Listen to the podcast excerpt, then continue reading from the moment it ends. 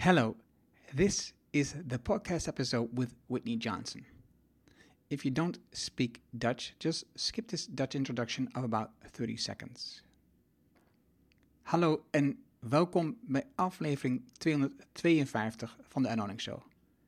Waar je leert van ondernemers en ondernemende mensen die bijzondere resultaten bereiken.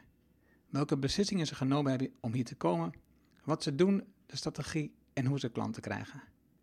Mijn naam is Erno Hanning en ik deel mijn opgedane kennis, ervaringen en expertise met jou. Ik coach ondernemers die kennis leveren aan bedrijven om betere beslissingen te nemen, zodat ze weer gaan doen wat ze het liefste doen met meer resultaat en minder hard werken. Vandaag het gesprek met Whitney Johnson. Whitney is one of the 50 leading business thinkers in the world as named by Thinkers 50, and an advisor to high growth organizations and individuals. She's the author of the award winning Disrupt Yourself and Build an A Team, both published by Harvard Business Press, and host of the weekly Disrupt Yourself podcast. Previously, she co founded the Disruptive Innovation Fund with Harvard Business School's Clayton Christensen and was an award winning Wall Street stock analyst. On LinkedIn, she was named a top voice of 2018, where she has 1.8 million followers and currently hosts the twice weekly LinkedIn Live, aptly titled Calm Amidst Chaos, specifically for this COVID 19 period. This was a wonderful conversation with Whitney where she explained the influence of her education in music and jazz, how this still plays a big role in her work today. Building an A team is important for your business, and that's why I read the book. And listening to her podcast, I learned about the importance of disrupting yourself. Of course, we talked about the disruptions that she had in her life. And disrupting yourself and using the S curve to disrupt the learning curve of your colleagues is important for the innovations in your business. Enjoy the insights with Whitney. Let's get started. Welkom in de Erno Hamming Show. De podcast waarin je leert over de beslissingen om te groeien als ondernemer met je bedrijf. Luister naar de persoonlijke verhalen van succesvolle ondernemers en ondernemende mensen. Dan nu, jouw business coach Erno Hamming. So today I'm talking to Whitney Johnson, and I'm really happy that she's my guest. Um, she's she's written a number of books, and I've read the latest one, Build an A Team, which I love. But also, she has a podcast, and I've listened to a number of episodes of those, and I love her. Interviewing the guests is really good at that. And of course, she has a business. She's a business owner. So there's a lot of reasons why um, this is a good chance for us to talk. Um, so, so welcome, Whitney. Sorry. Thank you, Erno. I'm d- thank you for having me. I'm delighted to be here. Yeah. Um, this this is kind of a bit stupid because we just did this section, but I forgot to push the um, record button. I'm gonna do this again. Um, you um, graduated magna cum laude in music. That was the Yeah. thing that really popped for me in your LinkedIn profile, and um, and I was asking, so why music? Yeah. I know it is kind of odd, right? You're like, wait a second, like here's what you do for a living and you graduated in music. Well, um, I I grew up in San Jose, California, what what is now Silicon Valley, and had a very, in many ways, from a United States perspective, a very typical middle class childhood where I did things like I learned how to sew and I played dodgeball and I played piano and you know I eventually became a cheerleader, sort of all these things that you would expect a girl to do in the 60s and 70s. And it turns out that I had a decent amount of talent on piano. Um, and so as I, you know, went through high school and it was time to go to college what was i going to major in? I was going to major in music. And and i think again from a standpoint of being a female in the 60s and 70s i didn't have a big plan. It's you know i didn't i wasn't going to be an astronaut. I had this vague notion that i would grow up and get married and have a family. Didn't really have a plan. So in some ways college college wasn't about getting a job. Like I, I literally don't remember thinking, oh, I've got to get a job after college. It was more about finishing school, which I know sounds so odd and so antiquated, but that's kind of how I was thinking. Um, and so I studied music in college. I played piano and uh, graduated in music. And we can talk a little bit more about what happened after that. But that's really how I ended up studying music in college, is because I didn't have a grand plan. Um, and by the way, I didn't graduate till I was 27 years old either. So there's a lot. There are a lot of stories there. but it is. I think it is the the idea of um, just focusing on on on finishing school. That was just that was just typical for the for that time. So it's it is it's so different now and it's yeah. and, and, especially what you do now it's so weird that um, you were thinking that way at that time um, yeah and and you were in a band so so jazz was your kind of music yeah so it's interesting so i know i was trained classically um, but then when i was 17 i had a boy that i dated and he loved jazz. Like he, you know, gave me this album of Keith Jarrett at, you know, playing in Cologne, Germany.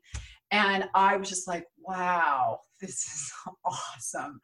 And so kind of just opened up this whole world to me of Keith Jarrett and Chick Corea and just really fascinated by that. And so when I got to college, I was still doing classical piano um, and you know doing my recitals and taking music theory, but then I started studying jazz piano as well. And I eventually did play in the jazz band at our university. We got to perform at the Montreux Jazz Festival. And I know you're probably thinking, oh, she's really good.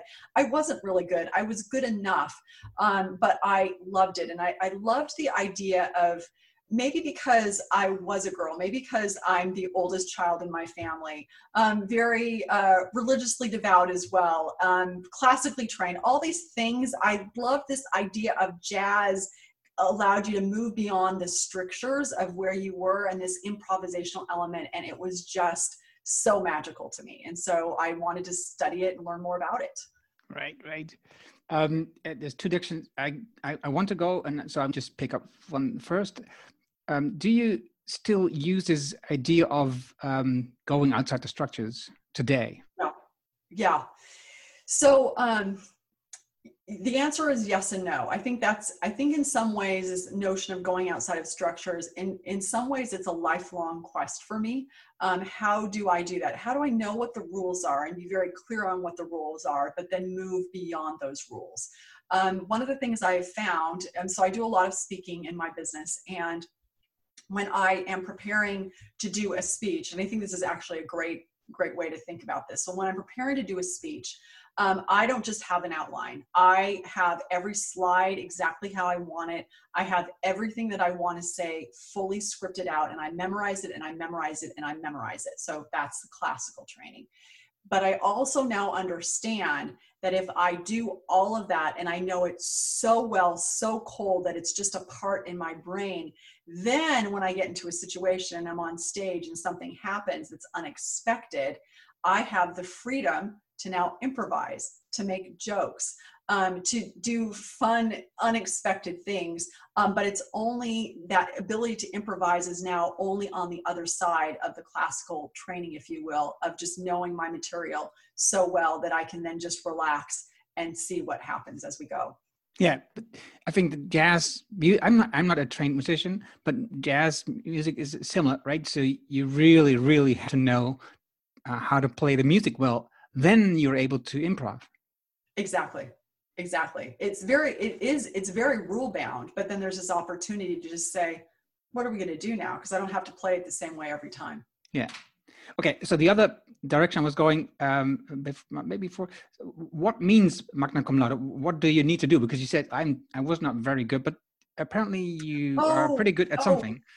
yeah. Okay. Yeah. So magna cum laude in the in the United States anyway is basically just where you are in your class. So like summa cum laude, I think is top one percent in your class from a, a grade point average, and then magna cum laude, I think is top 5%. So I was in the top 5% of my graduating class. When I said not very good, I mean from a jazz perspective. I was pretty good at comping and playing behind a soloist, but I never, at least at this point in my life, someday I'm going to be good at this. I wasn't good at that improvisation on my right hand, but that's something that I'm now thinking about uh, in the time that I have now that we are spending more time at home and I'm doing a lot less traveling. Um, uh, at least temporarily, um, having time to play the piano and figure out how to improvise a bit. Yeah, yeah, that's really smart. Okay, the other part that was really interesting. You all studied English. Yes, yes, I minored in English. Right, so, but you, um, like you said, you were at school from ninety. Uh, from uh, for eight years, oh. eight or nine years, right? Yes. I don't say the years. Okay. The, the eight, eight or nine years. Is, is yeah. that because you started English after music? No, no, no. This is this is so. This is this is so everybody who is listening who thinks oh my life is over i am a case study in your life is not over so here's what happened i get to college.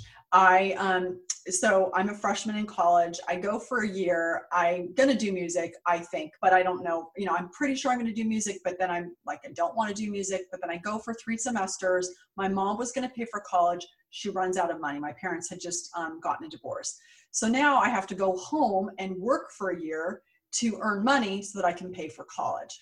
So then I go back to college for six months and then I decide that I want to go on a mission for my church. So I leave college for two years. I go live in Uruguay, learn Spanish. I, I'm a missionary for two years. Then I come back to college and now I'm like, well, do I want to do music? Do I want to do English? Do I want to do family study? And oh, by the way, I was at a school, I went to Brigham Young University where the tuition was really low. So the combination of me getting a scholarship, having low tuition, and working part time meant that I was having no debt. Like I was just paying as I was going. I'm like, college is really fun. I think I'm going to be on the ballroom dance team. So, are you ready for this? I graduate after nine years but I'm not in school the whole time. So it's six years of school with 180 credits. You only need 120 to graduate. I had 180 credits and still no real idea of what I wanted to be when I grow up. So everybody who's listening who's like, I don't know, I'm not directed, I don't know what's going to happen. I am an example that you can eventually figure it out. Right, right, right. And just to be clear, credits is what you get for extra stuff that you do.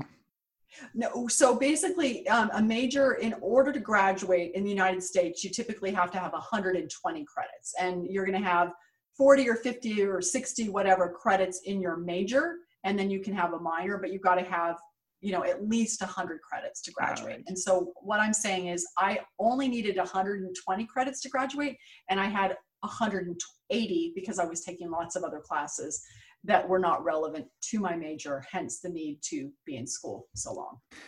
Okay, so that because that that's an interesting point then. So so you have a lot of um, experience and also a lot of uh, different types of theory that you have in this period. Um, mm-hmm. How does this benefit you today? Mm. Yeah. So okay, I think it's a great, great question. So, number one, it benefits me uh, with this idea of I think so often people graduate and they get to be, you know, they're 21 or 22 and they say, I don't know what I want to do. And so I'm like, but you will eventually figure it out because I figured it out. So, number one. Number two, that experience that I had when I had to go home um, and work I came back, I earned all this money, and I was able to finish and finish school. And so that gave me the confidence, like I can do this. Like I can, I can earn money, and I can support myself through school.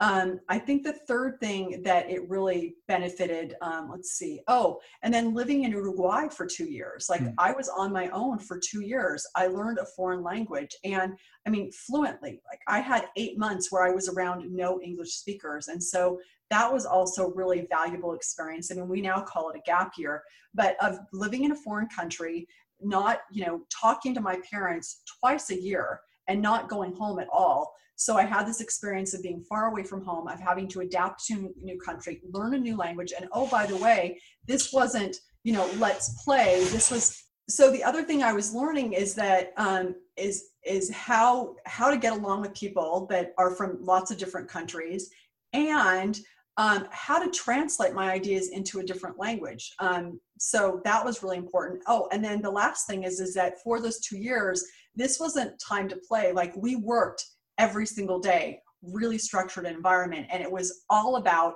serving and helping other people, helping other people feel like they matter, help them feel like God knows who they are. And so at this time of life, you know, I'm 21 years old, where generally it's all about me, me, me, me. I had this experience where it needed to be about you, you, you, you, you. And so those are all these experiences that I had. So by the time I graduated from college, like I didn't need to go experiment some more. Like I'd had all these experiences and I was ready to go go into the workforce. So that's how I think they helped. Yeah, that's that's really really interesting. Do you, like I said, we will talk about the book, um, Build an A Team. Um, do you see that this experience um, also translated in the S curve that you talk about in your book? That that's the the basics, the basis of your book. Yeah, yeah. So that's a really interesting question. Um, one of the things that I so let's talk. Let me explain what the S curve is right. briefly, so yeah. that everybody knows. So. Yeah. One of the things that we have written about in the book Build an A Team is this idea of an S curve um, that every single one of us is on this S curve of learning.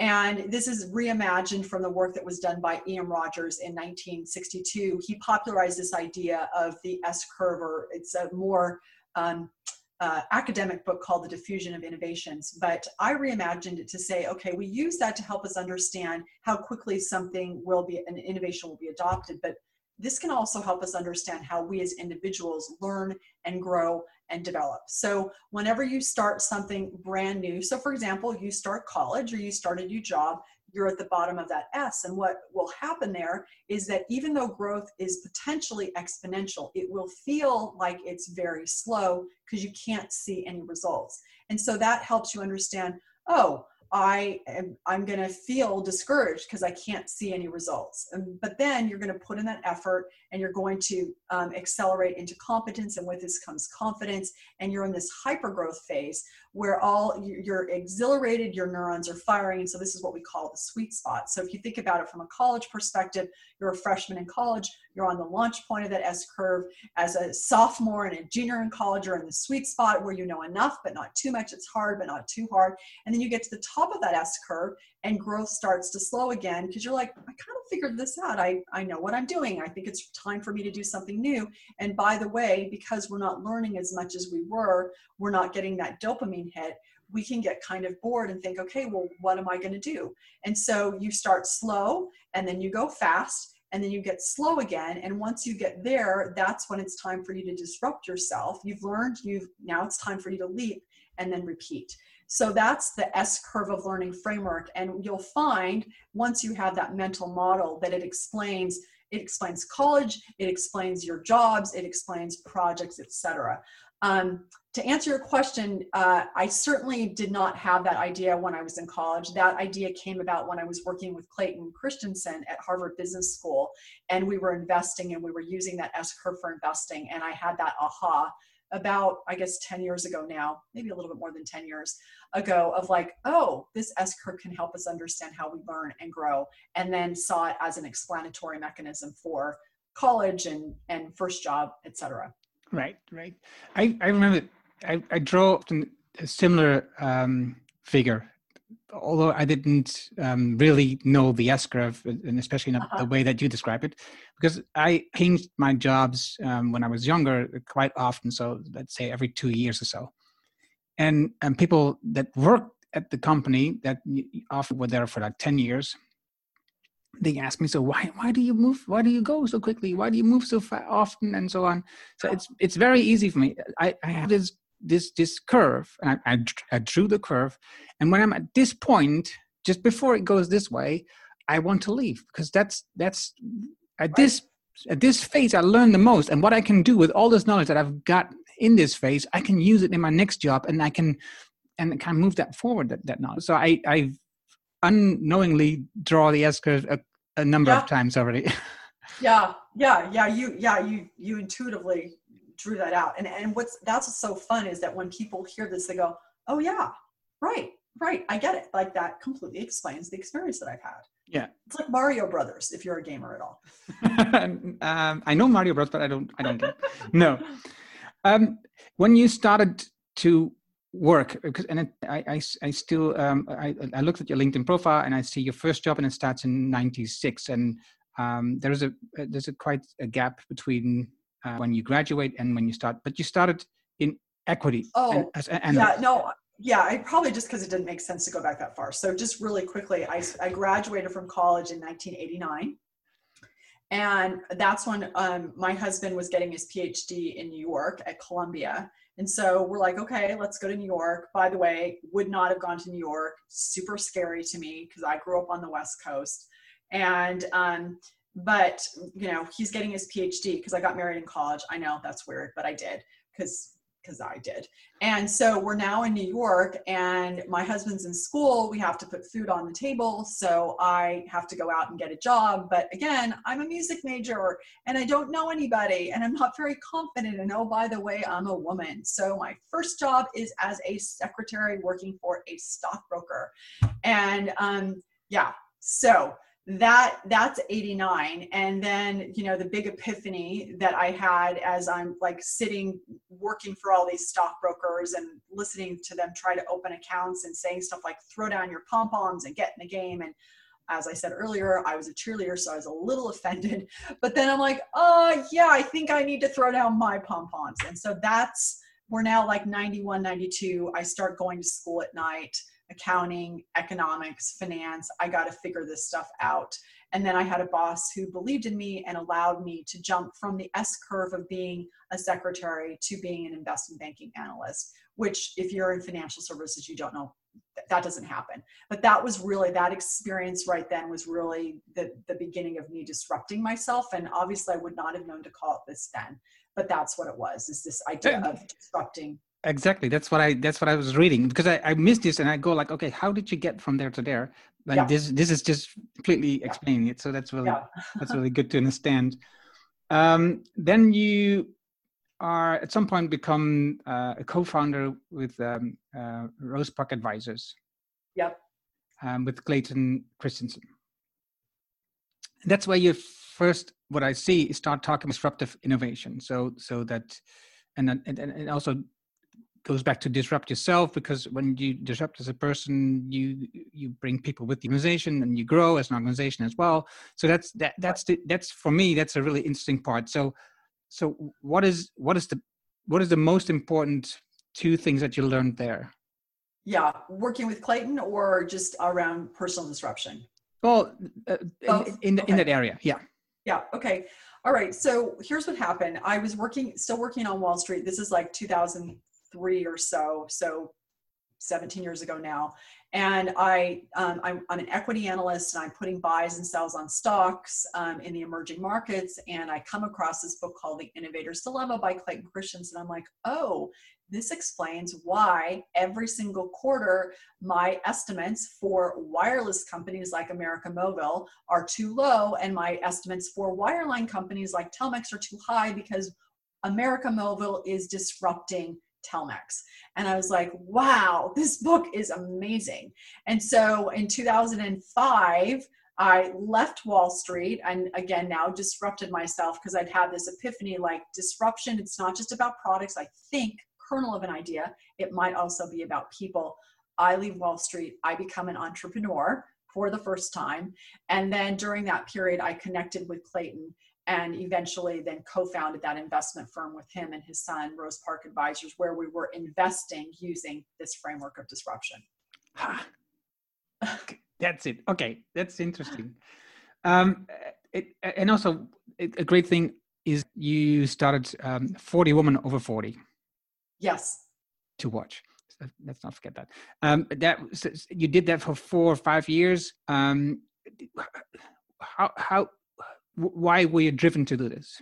Why did we do this? Yeah. So, so Christina Vuleta, the co-founder, and this was originally, this was her idea. And this is now, you know, seven or eight years ago, this idea of you've got, um, when you think about from an S curve perspective, women in particular are tend to be kind of from a career, sort of over the arc of your career, women tend to be slower starters or kind of at that launch point longer. Um, in part because they it takes them longer to get noticed sometimes, and frequently they're also rearing children. Um, women inside of an organization not only have to network up and sideways, they also have to network down. So there's more people that have to have buy-in to who they are in order to climb that S curve. And so one of the things that we were discovering is that there were all these lists out there of 40 people under 40 or 30 people under 30. And we're like, but lots of times women aren't really going to gain that momentum, really move into the sweet spot of their career until their 40s or 50s. And so, what we wanted to do was to highlight that cohort of women who were now in their 40s, maybe even their 50s, who were starting to gain momentum, but people didn't know who they were. This notion that when you're 40, like I remember when I my mother turned 40, we had a party for her of like rest in peace. Like that's how we thought about the world. And like, no, no, no, no. At 40, you're just getting into the sweet spot of your career. And we wanted to call that out and acknowledge women who who um, you know maybe start being less visible because of how we look and like no you're now moving into that prime time of your ability to contribute and we wanted to highlight them. Why did it end? Because it's it's still a, an important topic right? Yeah you know it ended for a couple of reasons. Um, number one is that we both got busy focusing on other projects that we felt like were we felt called to do and so we allocated our resources there. So that was part of it.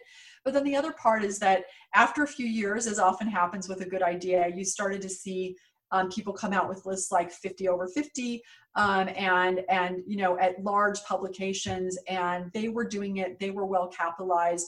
We could have gone out and probably raised money to do it but we had never really made that effort to do it. And so it was like it's time it, it, it made sense to do and then it made sense to stop doing right right.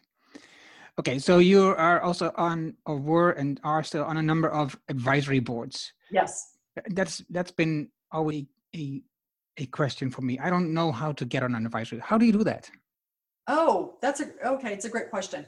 So when you're on an advisory board, it's not in like an official board where you've got governance responsibility and you've got to, you know, hire and fire the CEO. In an advisory board capacity, it's much more of you've got very a startup and they need um, they need help.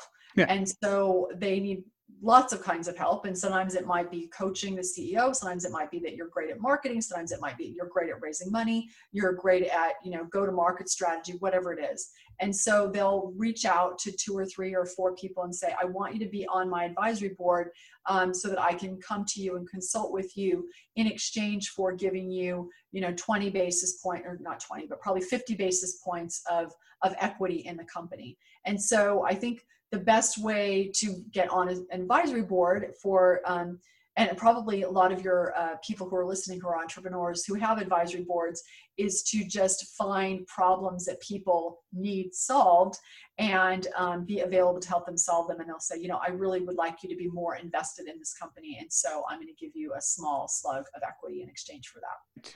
Great. Okay so um, I'm thinking, do I want to go there? No. Um, in, in 2012, you start your business that you have today, uh, WLJ Advisors. Um, and that's your you're this um, solo. How do you call this? You are the the the, the one uh, owner, right? You are the owner. Yeah. Yeah. Yeah. Solopreneur. Yeah. Yes. Uh huh. So so WJ, that's uh, Whitney Johnson. Right. Right. I guess. Exactly. I guess. Exactly. And I also saw that you're um, in the business as well because um, uh, Miranda Johnson. Oh, that's my daughter.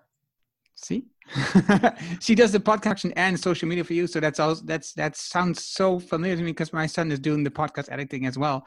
So that's yeah. uh, that's very funny. Yeah, yeah, yeah. um, what is what is the most important thing that you do with your business? What is it? What is what is that you feel that's the mo- most important of your of your of your company? That's a great question. Um, okay, so from a business model perspective, let's maybe walk through that as for I guess for people that are listening. So we're we're a consultancy and we've got intellectual property that we um, advise organizations and individuals around this S curve of learning and the frameworks of personal disruption. So that's that's what we're selling, if you will.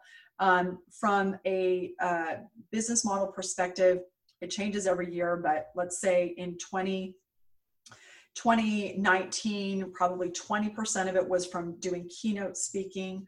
Um, and then 30% of it was from CEO and executive coaching, and then the other 50% was from consulting. Um, so, so those are the different aspects of it. And then we also have a podcast, as you mentioned. Um, and then right now I have a, a, whole LinkedIn live that we're doing um, two days a week on on LinkedIn, obviously. Um, but I would say from a podcast perspective, the newsletter that we have um, what we do on LinkedIn. Those are all top of the funnel activities that allow people to know, and even the books actually. The books are also top of the funnel activities, although they do more than that, so we can come back to that. But those are all activities that allow people to know what it is that we do, um, what we care about. The books have that added benefit of helping us codify what we think and requiring us to really do research and, and have have a position um, as opposed to just some sort of ideas that we we thought about yesterday like we really have to do the work um, and you do get some book sales but unless you're like you know new york times bestseller bestseller bestseller you don't make a lot of money off of books so if you're thinking you're going to get rich by making books probably want to get a different business model um, but those are top of the funnel activities to ask your answer your question of what's the most important um, you know, I, I guess I would say there, I, I don't think of it like that. I think of like, what do I like doing? But let me just know if I think, well, okay. I, I this is a good question. So speaking, is speaking important? Yes, speaking is important. What job do we hire speaking to do? Well, we hire speaking to do a couple of things. Number one is yes, you get paid to do it, but also we hire it to help people understand these ideas. But as a keynote speaker, and this goes back to the idea of being a musician, if you deliver your speech well, everybody has a moment where they're not only instructed, but they're also inspired. And that's something that you can do in a keynote speech that you can't really do in a workshop and you can't really do in a one on one coaching session. You're having this moment. It's like being at a concert, right? You're having that moment. So, that I think is really important in inspiring people to want to do things differently because that's what disrupts yourself. Disruption is, is you're disrupting who you are to slingshot into who you can be. I think the coaching is important because, um, and is because then you got, you get this opportunity to be one on one with someone, to be this trusted advisor, um, and really get to be on the front row of of being there as they are making this decision to change, and to be there to to advise them and to um, and and help them and and witness this change that's taking place. And that i think is important and inspiring and wonderful as well. And then on the the consulting piece which oftentimes includes some combination of, of coaching, is just more of how do you take these ideas and start to embed them in the um, the fabric of an organization, which is also important because it's the sustaining piece where you go from being inspired, where you get the keynotes, the podcasts, the books, to that one-on-one where people want to make the change. But then there's that um, infrastructural infrastructure element that comes with the consulting. So I think they're all important. It's just a matter of the sequence and and meeting people where they are. Like where do they want to start? Is it on that coaching? Is it on the speaking? Is it on reading the book, listening to a podcast? Rarely is it you're going to start on the infrastructure piece, but that's important in, order to have that enduring um, impact that you want inside of your organization. Yeah, I love the the way they explain that the keynote. How how do you look at how you look at it? Because I would have seen it as um, a visibility tool, right? So that when you do keynotes, you become visible for um, your kind of audience, and those people might hire you. But you explain uh-huh. that you you create a moment, and you um, it's it's an it's it's it's an experience. Mm-hmm. And, and and and then the link to you being a musician um, and also like uh, really play for crowds is this is so similar. So this is so connected. I love i love it. And also with the book like you said the book is also visibility. People get to know your ideas but also i love the way that you do i have never seen it before that you close each chapter with summary. That's that that happens more often. But then you end it with, so if you want help on this part, just here's my email address, and you can connect contact with me there. I thought really that's really smart. so every time when you are at a um, a difficulty in the book that this is this is this is something that I'm with you go like oh here's my name just contact me that was mm-hmm. really smart i have never seen it before yeah.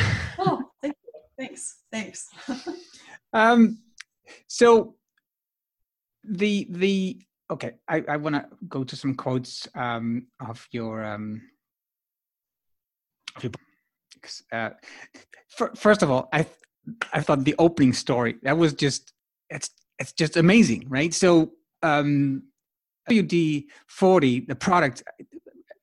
I mean, most people have heard of it. If you are, you know, have some technical things in your history, right. then you have worked with the product, um, and and then so so you know the product, but then you learn about the history of this company and about specifically, like you said, the the engaged engagement of the, of the employees of the company and how how happy and excited they are about the future of the company and the learning is is is probably the biggest um, source company to grow in this way that they do and they did and how how large yeah. they became just on one product but the way that they've promoted the secretary to become at this function and go there and uh, uh, that was just that was the story that drew me really into the book. So that was a that was a really great story. Oh, thank you. Um, now I have to ask a question about that, of course, because I'm just yeah, telling, I'm, I'm just I have no question. I just I just a story. yeah. Well, I, I mean, I think just just just sharing a little bit. Of, I mean, I think what's um, sort of underscore what you just shared is this idea of. I think so often people think to themselves, okay, well, you know i i need i need to go work at a really exciting company like you know i need to go work at google which is is an exciting company and and i have friends that work there so i'm not dissing google but i think one of the things that we sometimes forget is that there are companies like wd-40 where you know it makes a product that really has not changed in 60 years. It keep it originally kept rockets and missiles from rusting and now it, its sole function is to not sole but its primary function is to keep things from squeaking. So you're like okay well do people even want to work there? Because it's not very exciting and yet you look at their engagement scores and they're over 90% and you look it's at their extremely high Right, they're extremely high, and you look at their market cap, and I haven't looked at it in the last couple days, but let's say pre-COVID nineteen, over the last twenty years, their market cap had increased from like two hundred and fifty million dollars to um, you know 2.5 billion dollars. So we're talking about a 10x increase, which is outperforming the S&P 500. And so it's like, well, what what is happening here? When we did our research, we administered our diagnostic, we found out that this is a company, the CEO, Garry Ridge, is, you know, a, person who is committed to allowing people to climb that S curve. And when they get to the top of the S curve, they jump to the bottom of a new S curve. So, this notion of learning and leaping and repeating, of disrupting yourself, is built into, it's embedded into the company. And so, um, it's one of those things that you realize, okay, maybe it's not just about the company with a big brand name. Maybe it's about the opportunities that you have when you're inside of that company to learn, to develop, to grow. And when you're able to do that, it kind of doesn't matter what company you're working at, as long as you personally are having that opportunity to really contribute in a way that feels meaningful to you. Yeah. Um, I think the most important part was the fact that the CEO, the owner, um, the entrepreneur, um, started this this thinking from the beginning. So the, he he he embedded this idea of that you can grow in any type of function that you want um, from the beginning. And I, I think it's it is it is a really great idea, but it's also a very difficult idea, like you described in the book. Yeah. Because most ventures they they they they they help you to grow in your function they hire first of all of course mm-hmm. the wrong people because they hire the people that are already up of their uh, game right. uh, yeah. because that's the easiest because you have you need the right people now they need to work on this really big problem now that's because you're hiring for and then once they are at that top level in and you've you've groomed them and and they've they've arrived and they know what they do it's it's a very automatic process that you're doing now you want to keep them there because that's the way they make you the, the most um, profit or money or um, the most sense or whatever. So you don't want to let them go. But uh, like I did, every time when you have that experience, you just leave the company because you right. are going to think um, new. And that's exactly. And I, so for people who are, you know, so a couple things. Number, first of all, so Garry Ridge was not the founding entrepreneur. So I think that's an encouraging thing for all of you who are listening, thinking, well, we didn't start it from the beginning. Well, ideally you will, but that's not necessarily how it was when he got there. So I think that's encouraging to know that even a company that's ongoing, you can make those changes. But the thing that you're highlighting, Erno, is this idea of, you know, when you get people to the top of an S curve, you you're they're they're a huge flight risk because they're going to well they're a huge risk not just flight risk because what's going to happen because they're bored they're either going to leave or they're going to get complacent. And when you get complacent then then that actually can be very destructive not only for them but also for the company because their morale drops and they start getting distracted and not focusing. So complacent or bored and then your ability as a company to adapt to growth starts to diminish as well because you don't have this person fully engaged. So this is where this idea of the innovator's dilemma comes from is that you're at risk whether you jump or not.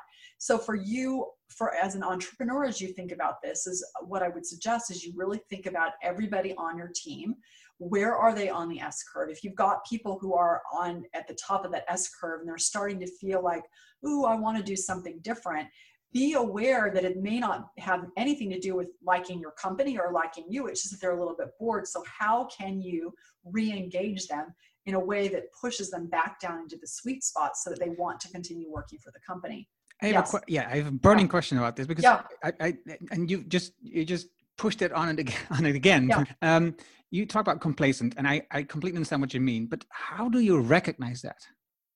Oh, in a person, in yourself, or in someone no, else? In yourself, uh, you you you've noticed it because you are doing other stuff. But as as a as a manager or as a business owner, how do you recognize that in your people? Yeah, so um, so a couple of things. I think a good starting point is just to look at how long they've been in that role doing the same thing. So if you if you map against the ten thousand hour rule, um, and a person's only working forty hours a week, then they're going to hit that place around the three to four year mark, at most. So you think about you, you're probably putting in a lot of hours, and so just time and role is a good starting point in, in trying to gauge whether they're there. But another way to gauge it is you know are they doing thing are they saying things like well that's not how we do it here mm-hmm. because when they're saying that's not how we do it here they're saying status quo um, kind of you know other people's ideas they're not willing to um, sort of engage with them and then another thing is that they can say when they say things like well i've paid my dues that's another person who's at the top of that s curve they're just getting somewhat complacent um, and then also when they start doing things like they just hit the ball back, like they're not, you know, I don't know if you're a tennis player, but they're not like trying to serve that ball and get it over. They're just someone throws something to them, they hit it back, they hit it back. And so those, and, and they're not necessarily coming up with new ideas. Hey, what if we tried this? Hey, what if we tried that? Those are all going to be indicators or markers that that person is is at the top of that S curve um, as a way to start saying, I think maybe they're getting bored. I need to find something for them to do, or I'm going to lose them because they'll leave, or I'm going to fire them because they're going to start underperforming. Do you also? That's because that, that's what I've noticed at, at, a couple of companies that I work for, is that um, when people started paying more attention to their hobbies um, outside yes. the job than their job. That's a good indicator as well. That's what I thought because I, I when I look back now, I go like, oh, they were doing so many things that was so they, they could have been so much valuable to other companies, and they're just doing it in their hobby. It's just a waste of their potential and their knowledge and everything. Right, because people who love their work, their work is their hobby. Yeah. Right. Yeah. The, the, the, the, challenge for them is making sure that they attend to their family and their loved ones because they just love their if they, they're loving their work. Right. Okay. So now go to the bottom part of the S curve.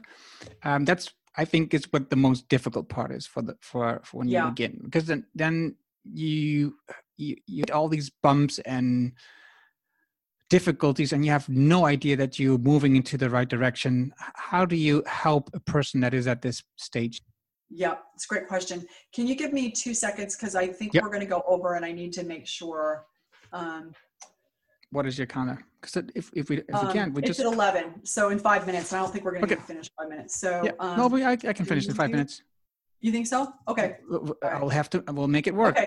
Okay, got it. Okay. Oops, I just lost you. Where'd you go? Okay. So launch point of the S curve. So the thing that you need to know about the launch point is that um, two things. Number one is it might not be the right S curve for you. So that's one of the things you have to figure out. You're going to try a lot of things, and we know from disruption theory that um, even when you're willing to take on market risk and play where other people aren't playing, your odds of success they go up from six um, six percent to thirty six percent you're still sort of 64% chance that this isn't the right S curve for you. And that's what you're trying to sort out at that bottom is like, is this, you know, actually playing where no one else is playing? Is this playing to my strengths, etc. But once you've said, you know, I think this is the right S curve for me, the challenge right at that point is that there's a lot of messiness and you don't know how all the pieces fit together. And so you've got to be willing to say to yourself, I d- I'm not going to know immediately. I'm not supposed to know immediately. That's part of the beauty of me being here is I'm going to ask questions like, why are we doing it like this? So what I would say for you and for anybody who's working with you is you need at this point encouragement. This notion of I put you on this S curve because I think it would be a, I think you've got something that will allow you to contribute in a really unique way. You can do it. It's going to be hard, but I think you can figure it out. Also to give people really tightly scoped assignments um, you know, can you get this done in a day, a week? Super small, discrete projects so that people can get a lot of feedback and figure out what's working and what isn't. Because when you have something to bump up against, you're getting information you can course correct a lot more quickly. So those would be number one is give people encouragement. Number two, give them tightly scoped assignments so they can get information and improve faster. And then number three, while they're in that place, be open to and encourage them asking questions like why do we do it like this? Even though they're going to feel threatening there's a huge amount of value that can be created when you have people on the launch point and they're only going to be there for a short time and then they're going to move into the sweet spot or jump to a new curve. But either way there's an opportunity there and you don't want to to um to squander it. I agree. Okay, so we are a bit on a time constraint here, but um, is there, like I said, the business owner, uh, they have like a small business, like five to 25 people. Is there something specific that they need to do um, to work Yeah. with your book or with the S curve? oh with me oh, okay No, no, no, with the, with the, with, you know, with the content of the book or uh, with this S in, in, in, in specifically. Yeah. Okay. Yeah. So what I would do is um, I would go listen to our podcast episode 80 because that will give you an overview of you know disrupt yourself generally. And i think you could also listen to podcast episode 53 that talks about build an a team. That's a great starting point. Of course i would love for you to buy the book but this will give you an introduction to these ideas and concepts. And then what i would do is now that you've got this basic notion of that s curve is sit down and think about where are you on your s curve where are your people your team on their on their s curves? And then if they're on the launch point think that they need a lot of encouragement and support. If they're on the sweet spot you need to help them focus because they can get distracted easily because they're really good at everything now. And then at the high end you want to be thinking okay how do i challenge them? So that can mean challenge them so they move back into the sweet spot or challenge them by having them jump to an entirely new S curve completely. So those are some quick things that you can th- be thinking about immediately as we um, as you wrap up listening to this episode. Yeah. Um, where, where can people view? What is the best way to, to contact you? Oh, the easiest way is just um, you can email me at wj at Whitney Johnson, or you can that's that's the easiest way. And then you've heard where you can go listen to the podcast, and there you can listen to them anywhere. I I love this talk so much. It was really great to learn more about you and to get some insights of where the whole idea of the S curve came from and how this all was connected to music and everything that you do. It's, it's, it was it was just so much fun to learn about all these backgrounds and bits and pieces. What made you where you are now? Because that's what I love. I love to learn how did you get here and why did you do this and why did you decide that. Um, I wished we had more time it's okay, but this is it for now. And uh, thank you very much, Whitney, and hopefully to um, for next time. Erno, thank you for having me. It was it was a lot of fun. Take care. Dat was het mooie gesprek met Whitney. Je vindt de namen en links die we noemden in het artikel dat bij deze uitzending hoort. Ga daarvoor naar ernohanning.nl slash show 252. Wil je vanzelf en automatisch de volgende aflevering van deze podcast op je telefoon ontvangen? Dat kan heel eenvoudig. Heb je een iPhone, dan zit daar standaard de Apple Podcast app op. Open de app, zoek de Anne Show op en klik op abonneer. Heb je een Android-telefoon, dan is het ook eenvoudig. Installeer bijvoorbeeld de Player FM app, open de app, zoek de Anne Show op en klik op abonneer. Vanaf dat moment krijg je vanzelf de volgende afleveringen op je telefoon. Heb je vragen, opmerkingen, reacties over deze aflevering met Whitney? Stuur dan een e-mail naar podcast.ernohanning.nl Ik hoor super graag van jou. Leer hoe je meer resultaat uit jezelf en je bedrijf haalt met betere gewoontes, zodat jij meer ruimte krijgt om weer te doen wat jij het allerleukste vindt. Wil je weten hoe je focus krijgt op het allerbelangrijkste wat je te doen hebt, zodat jij weer gaat ondernemen? Vraag dan het gratis boek Betere Beslissingen met betere gewoontes aan op ernohanning.nl. Dit is mijn nieuwste boek en je downloadt het helemaal gratis. Je hebt zelfs geen e-mailadres nodig. Wil je de papieren versie van dit boek? Dat kan ook. Dan betaal je alleen de verzendkosten. Mijn nieuwste boek is nog steeds gratis. Vraag het daarom nu aan op ernohanning.nl. Je leest jouw boek in één avond tijd. Dankjewel voor het luisteren en graag tot de volgende. Dankjewel voor het luisteren naar de Erno Hanning Show op ernohanning.nl.